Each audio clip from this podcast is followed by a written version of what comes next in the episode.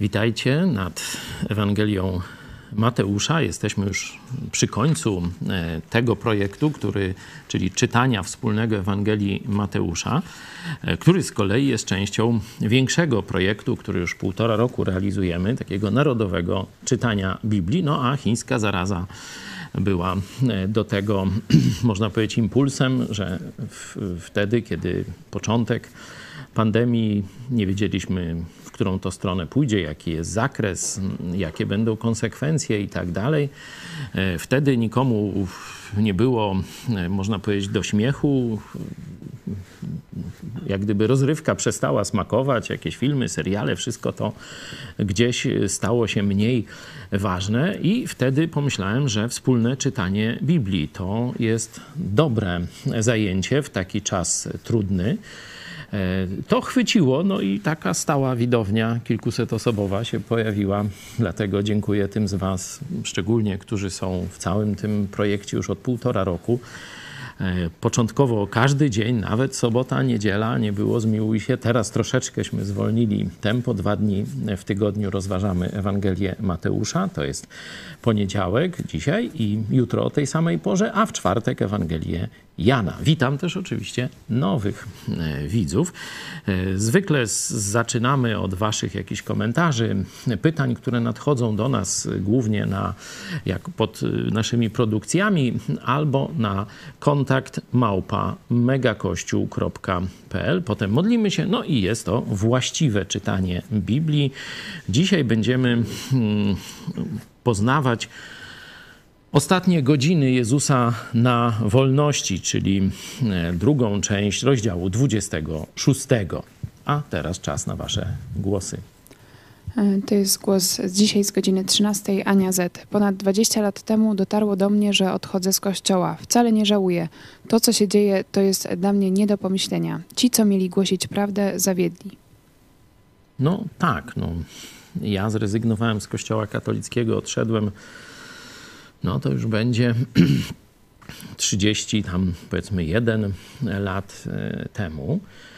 E, powodem nie było mm, to, czego się dowiedziałem o biskupach katolickich, bo wtedy jeszcze e, komuniści trzymali to w tajemnicy. Oczywiście w archiwach SB czy WSI były te wszystkie informacje o tych księżach czy dzisiejszych biskupach zarejestrowanych jako tajni współpracownicy. Purpurowa sieć. Dzisiaj w tvn część 1, jutro część 2, a dzisiaj o 13 był program, gdzie z reżyserem tych filmów dyskutowaliśmy o ich, można powiedzieć, wymowie i szerszym troszeczkę kontekście. Ja odszedłem od kościoła z powodu tego, że zobaczyłem, że doktryna katolicka, nie tylko to, co księża mówią na ambonach, bo to mogliby sobie jakieś głupoty ksiądz niedouczony, nietrzeźwy, czy jakoś tam inaczej jeszcze odurzony, tendencyjny, mógłby pleść tam gdzieś na jakiejś parafii e, e, bzdety. Dlatego postanowiłem sprawdzić dogmaty katolickie dotyczące zbawienia, dotyczące autorytetu. Skąd człowiek ma wziąć, ma wiedzieć, co jest prawdą o Bogu. I tu odkryłem ze zdumieniem, że w Kościele katolickim wcale Biblia nie jest y, ani najwyższym, ani jedynym autorytetem w sprawach tego, co Bóg nam objawił, czyli e, w sprawach dotyczących tego, w co wierzymy na temat Boga, jego relacji z człowiekiem. W Kościele katolickim są trzy źródła autorytetu. Oczywiście, no, Biblia jest wymieniana, ale oprócz tego jest jakaś tradycja, nikt do końca nie wie, jak ją zdefiniować, ale jest jakaś tradycja, taka szeptana, nie wiadomo gdzie. I ona jest też dla e, Kościoła rzymskokatolickiego źródłem autorytetu. No i jest jeszcze trzeci. Tak jak świadkowie Jehowy w Brooklynie czy gdzieś mają taką centralę, która ustala prawdy wiary, to Kościół katolicki ma tak zwany Urząd Nauczycielski Kościoła, który jest trzecim źródłem autorytetu, jak gdyby trzecim źródłem objawienia. Czyli mamy Biblię, mamy tradycję i mamy ten Urząd e, Nauczycielski Kościoła. No jeszcze by kto pomyślał, no dobra, no są trzy, no ale jest tam tam Biblia, no może ona jest jakoś najważniejsza w tej trójcy, nie? E, przekościelnej.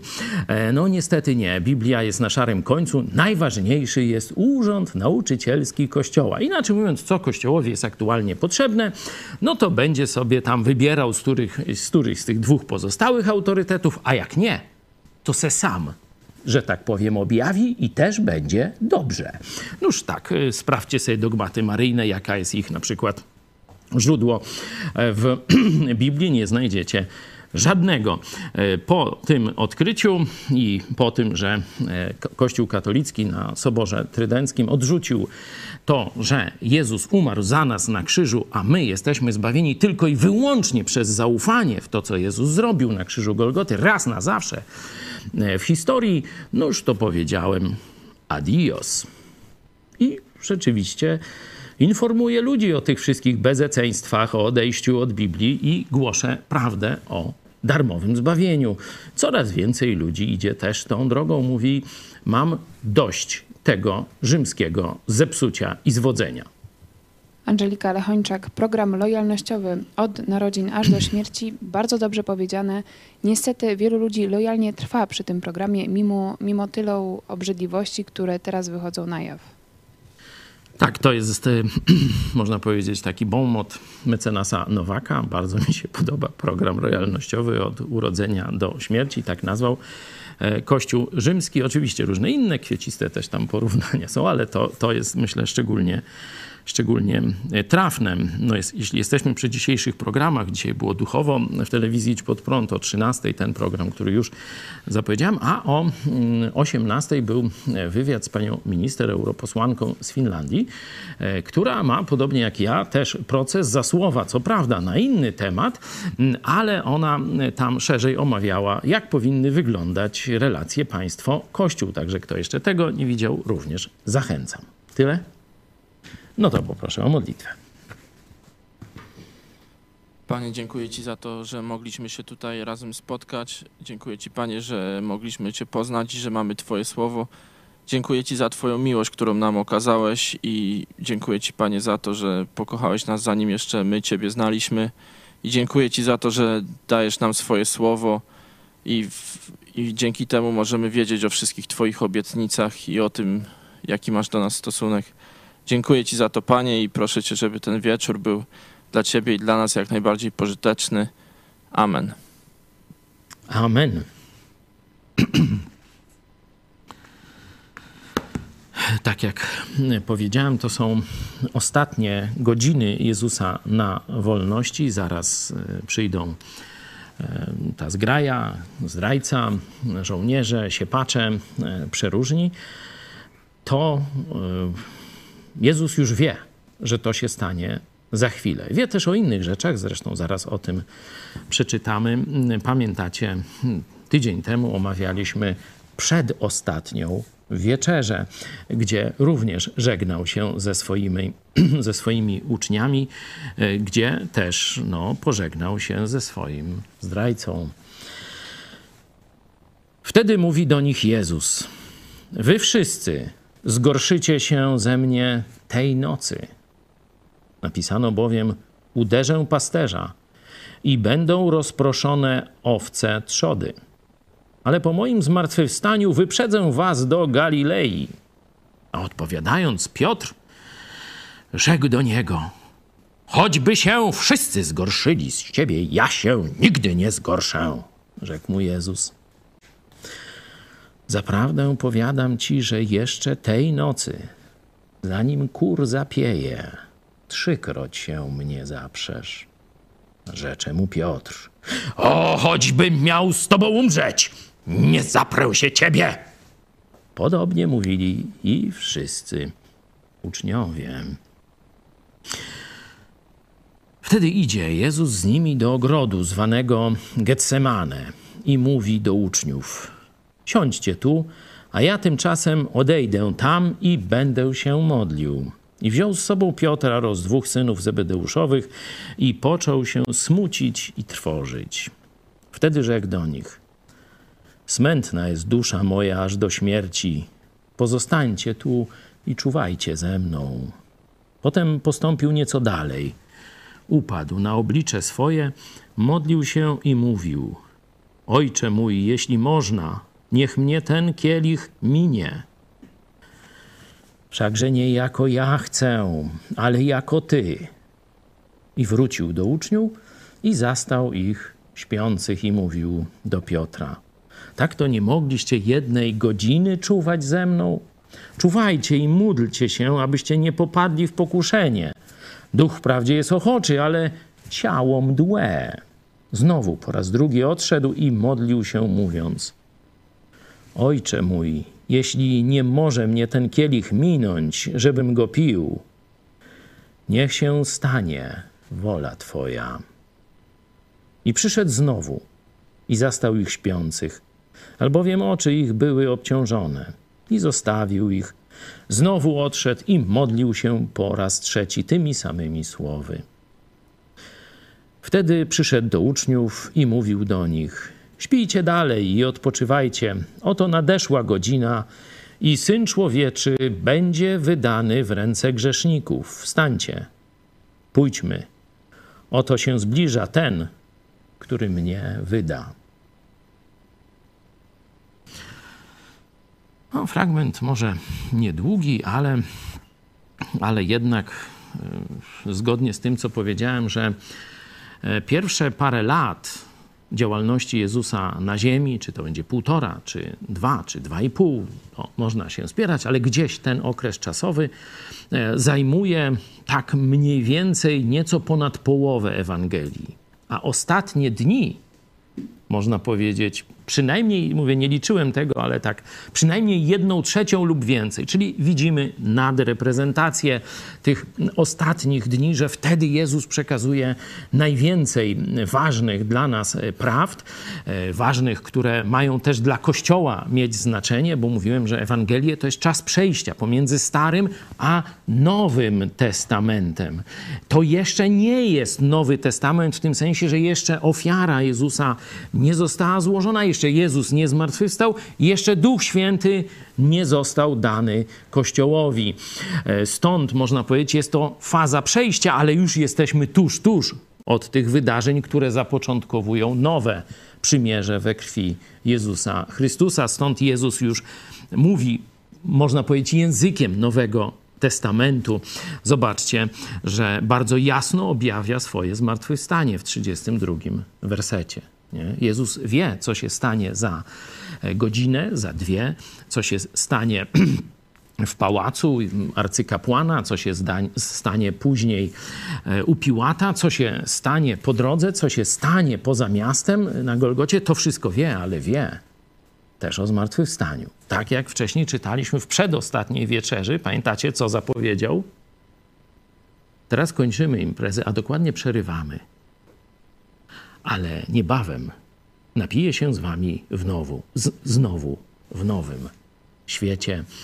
No to przeczytajmy sobie 29 werset z poprzedniej lekcji. Nie będę upił odtąd z tego owocu winorośli, aż do owego dnia, gdy go będę pił z wami na nowo w Królestwie Ojca mego. Tu, zobaczcie, przy tych wszystkich tragicznych wręcz nie? Później mamy, jak sam Jezus przeżywa to, że już za chwilę wejdzie w, można powiedzieć, kulminację, w istotę swojej misji przyjścia na ziemi. Bo nie, przecież nauczanie było misją Jezusa.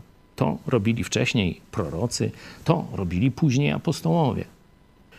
Śmierć za moje i Twoje grzechy to jest powód przyjścia Jezusa na ziemię. Z miłości do Ciebie i do mnie. Jezus już wie, że to się stanie za chwilę i ostatni ten czas spędza na modlitwie. Tu mamy jeszcze ostatnie słowa Jezusa, ostatnie te zapowiedzi i cały czas, pomimo tragizmu sytuacji, pomimo tego, że to już jest tuż, tuż, Jezus mówi o wesołym końcu. Najpierw mówi o imprezie, która się, którą dokończy w Królestwie Ojca, a teraz mówi: Teraz zostanę zabity. Ale gdy zmartwychwstanę, wyprzedzę was do Galilei. No wie, że będą spieprzać do Galilei, bo to wiecie, yy, przestraszyli się, że tu w Judei będą prześladowania. No to długa, gdzieś daleko od centrali, żeby tam ich nie znaleźć, dlatego idą do Galilei i tak dalej. Jezus mówi, wyprzedzę was do Galilei, czyli znowu was spotkam, znowu będę z wami. Pamiętacie, że nawet śniadanie im zrobił, różne takie. Będziemy, mam nadzieję, jeszcze o tym czytali. Chcę tylko pokazać, że w każdej takiej najgorszej ciemności, jaka nas spotyka tu na ziemi, tragedia. Trochę mówiłem więcej w niedzielę na kazaniu o tym z innej trochę perspektywy, kiedy my mamy dość siebie niekiedy, niekoniecznie coś tragicznego się dzieje, tylko my mamy siebie dość, widzimy swoją ograniczoność. No, zaraz o tym będę mówił. W każdej takiej sytuacji, czy to tragedii, czy kiedy jesteśmy kompletnie rozczarowani sobą, Jezus chce, żebyśmy widzieli promyk nadziei że to nie jest koniec, że jeszcze jest coś dalej, a nie tylko coś, ale coś bardzo, bardzo dobrego. Stąd tuż przed śmiercią Jezus zapowiada swoje zmartwychwstanie. A teraz, żeby odpowiedzieć sobie na to pytanie, dlaczego, tu jeszcze oczywiście można pokazać, że e, uderzę pasterza i będą rozproszone owce trzody. To jest z księgi Zachariasza, proroctwo z 13 rozdziału, z 7 wersetu. Możecie sobie porównać i zobaczcie, kiedy mm, już Jezusa zabierają tam na sąd, 56 werset, troszeczkę wybiegam do przodu. Tam tak Mateusz podsumowuje, ale to wszystko się stało, aby się wypełniły pisma prorockie. Wtedy wszyscy uczniowie go opuścili i uciekli. Nie? No to mamy tę zapowiedź, że wszyscy go opuszczą, i to jest wypełnienie precyzyjnego proroctwa, które Jezus tu cytuje z księgi Zachariasza. W psalmach można znaleźć też fragmenty, kiedy jest mowa o tym, że przyjaciele opuszczą go, przyjaciele opuszczą Mesjasza. I teraz pojawia się pytanie. Oczywiście wszyscy apostołowie, ci, którzy już tu zostali, czyli 11, Judasza już tutaj nie ma. Jest Piotr, który oczywiście w takich sytuacjach mówi najwięcej. No, on tak miał, że co tam na sercu, to i na języku. Szczery chłop zarzeka się, że absolutnie wszyscy się zgorszą, a on nigdy e, no Jezus tak go troszkę mityguje, mówią, akurat ty to się trzy razy zaprzesz, czyli więcej niż inni.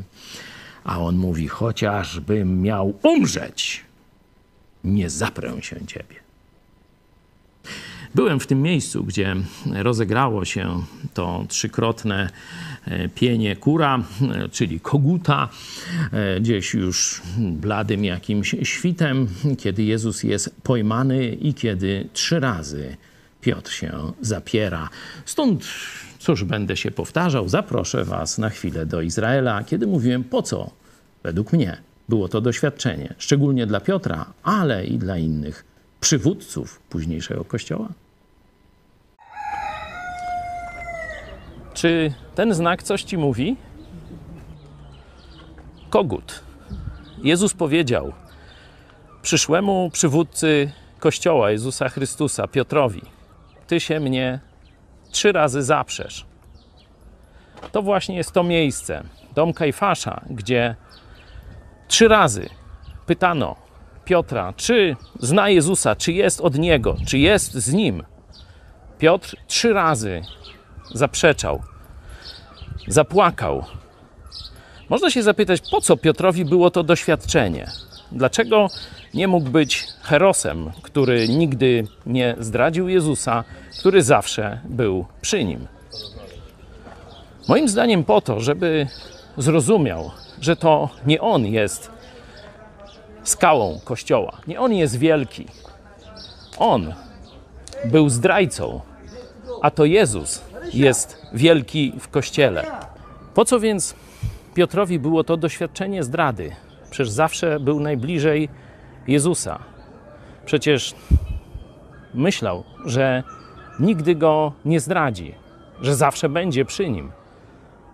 A to Jezus mu zapowiedział, i to tu właśnie w tym miejscu się stało. Trzy razy zaparł się Jezusa, mówiąc: Nie znam go, nie znam cię, z nim nie byłem.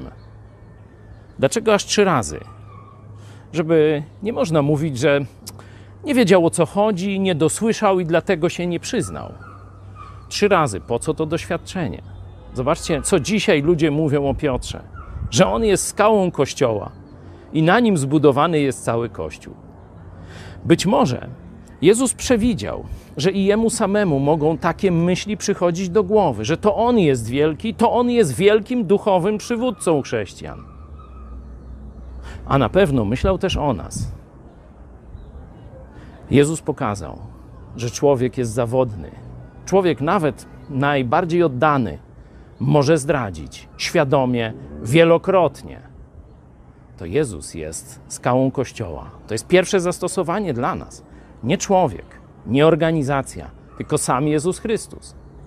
A dla każdego przywódcy chrześcijańskiego to jest bardzo ważna lekcja. Nie jesteś wielki.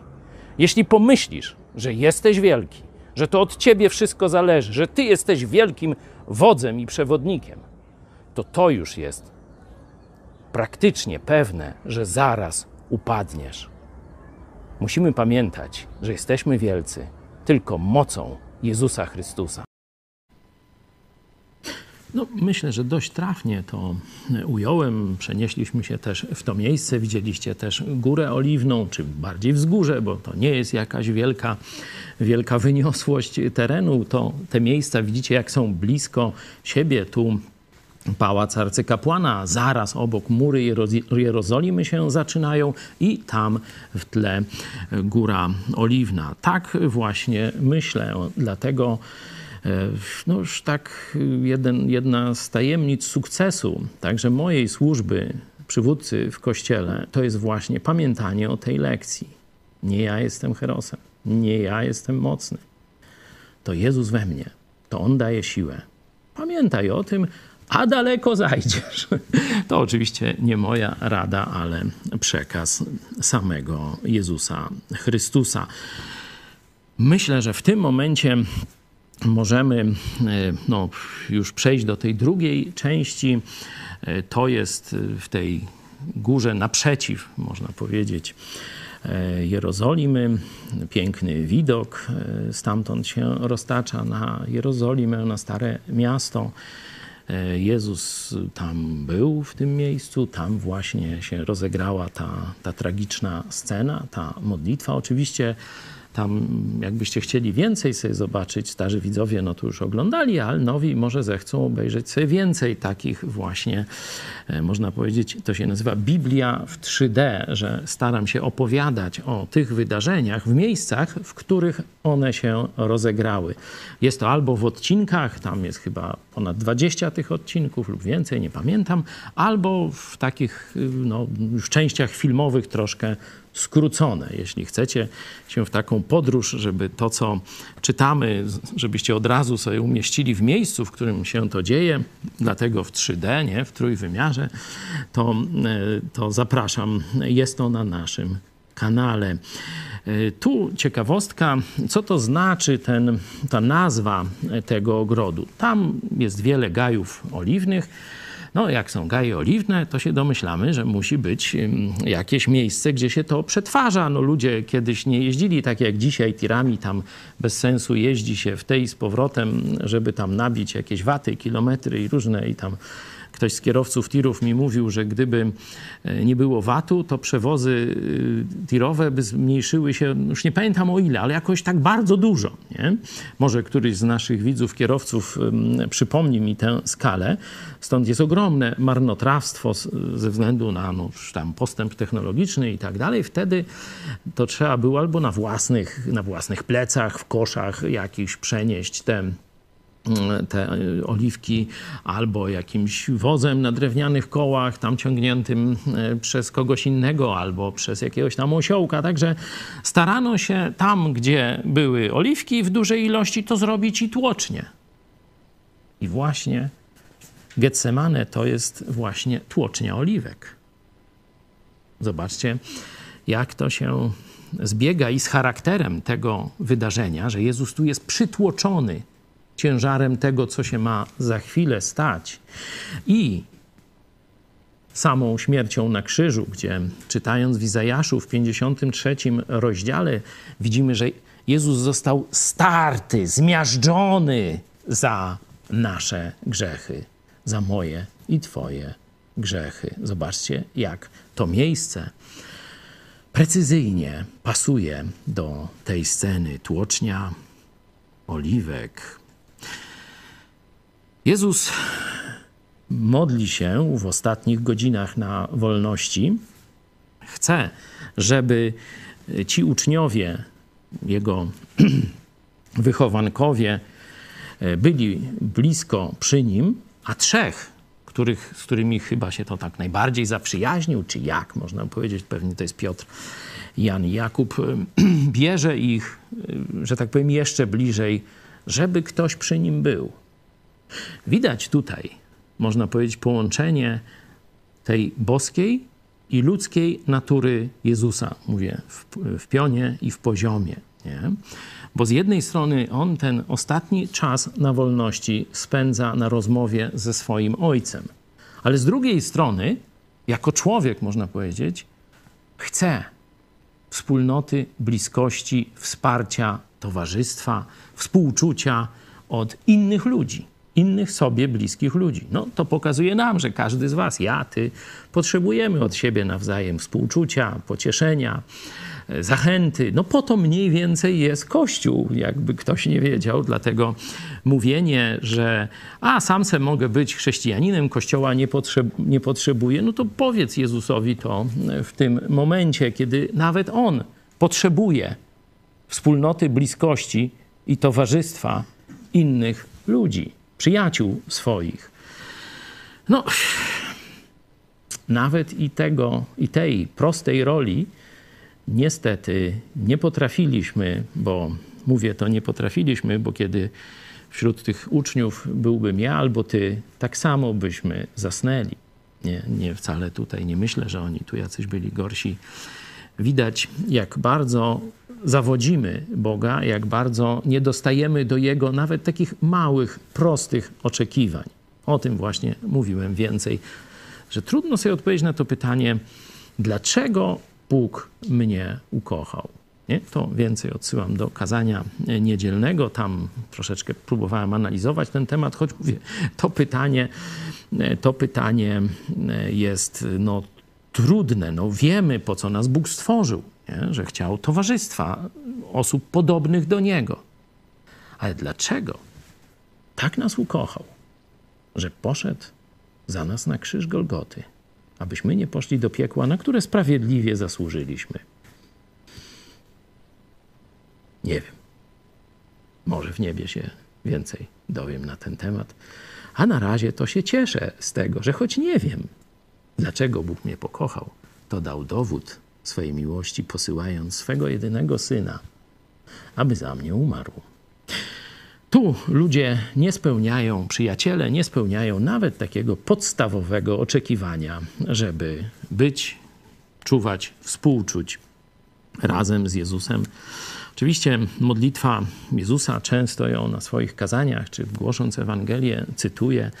E, tu e, trzy razy mniej więcej tak samo Jezus się e, modlił, choć widać, że są no, nie, niewielkie różnice w słowach, ale nie w treści. To ta podstawowa modlitwa, pierwsza w 39 wersecie. Ojcze mój, jeśli można, niech mnie ten kielich minie. No wiadomo, kielich to jest tutaj te wszystkie cierpienia, śmierć, oddzielenie od Boga Ojca, które ma przyjść na Jezusa właśnie, żeby zapłacić cenę za nasze grzechy, karę, którą Bóg Ojciec nałożył na nas, grzeszników, z powodu naszego buntu, nieposłuszeństwa, grzechu. Jeśli można, inaczej mówiąc, no co jeśli można? No przecież ojciec mógłby to zrobić. Chodzi o, tu oczywiście kontekst jest, jest jeśli można inaczej zrealizować ten cel, żeby zgubionych ludzi z powrotem przywieść do Boga, do nieba. Czy jest inna droga? To jest istota tej modlitwy. Jeśli jest, oddal ten kielich. Jeśli można, oddaj ten, ten kielich. Wszakże nie jako ja chcę, ale jako Ty. I w drugim tym podejściu niech się stanie wola Twoja. Śmierć Jezusa to jest odpowiedź na to pytanie. Czy jest jakaś inna droga, czy inne religie, czy dobre uczynki, czy, czy tam, nie wiem, ateizm, rekreacja, sport prowadzą do nieba? No nie. Tylko przez krew Jezusa. To krew Jezusa otworzyła nam drogę do nieba. Każdy, kto chce się w niebie, zna- w niebie znaleźć, no, ma otwartą drogę, ale musi chcieć. Musi zawołać do Jezusa Chrystusa: Jezu, obmyj mnie Twoją krwią. Jezu, zbaw mnie.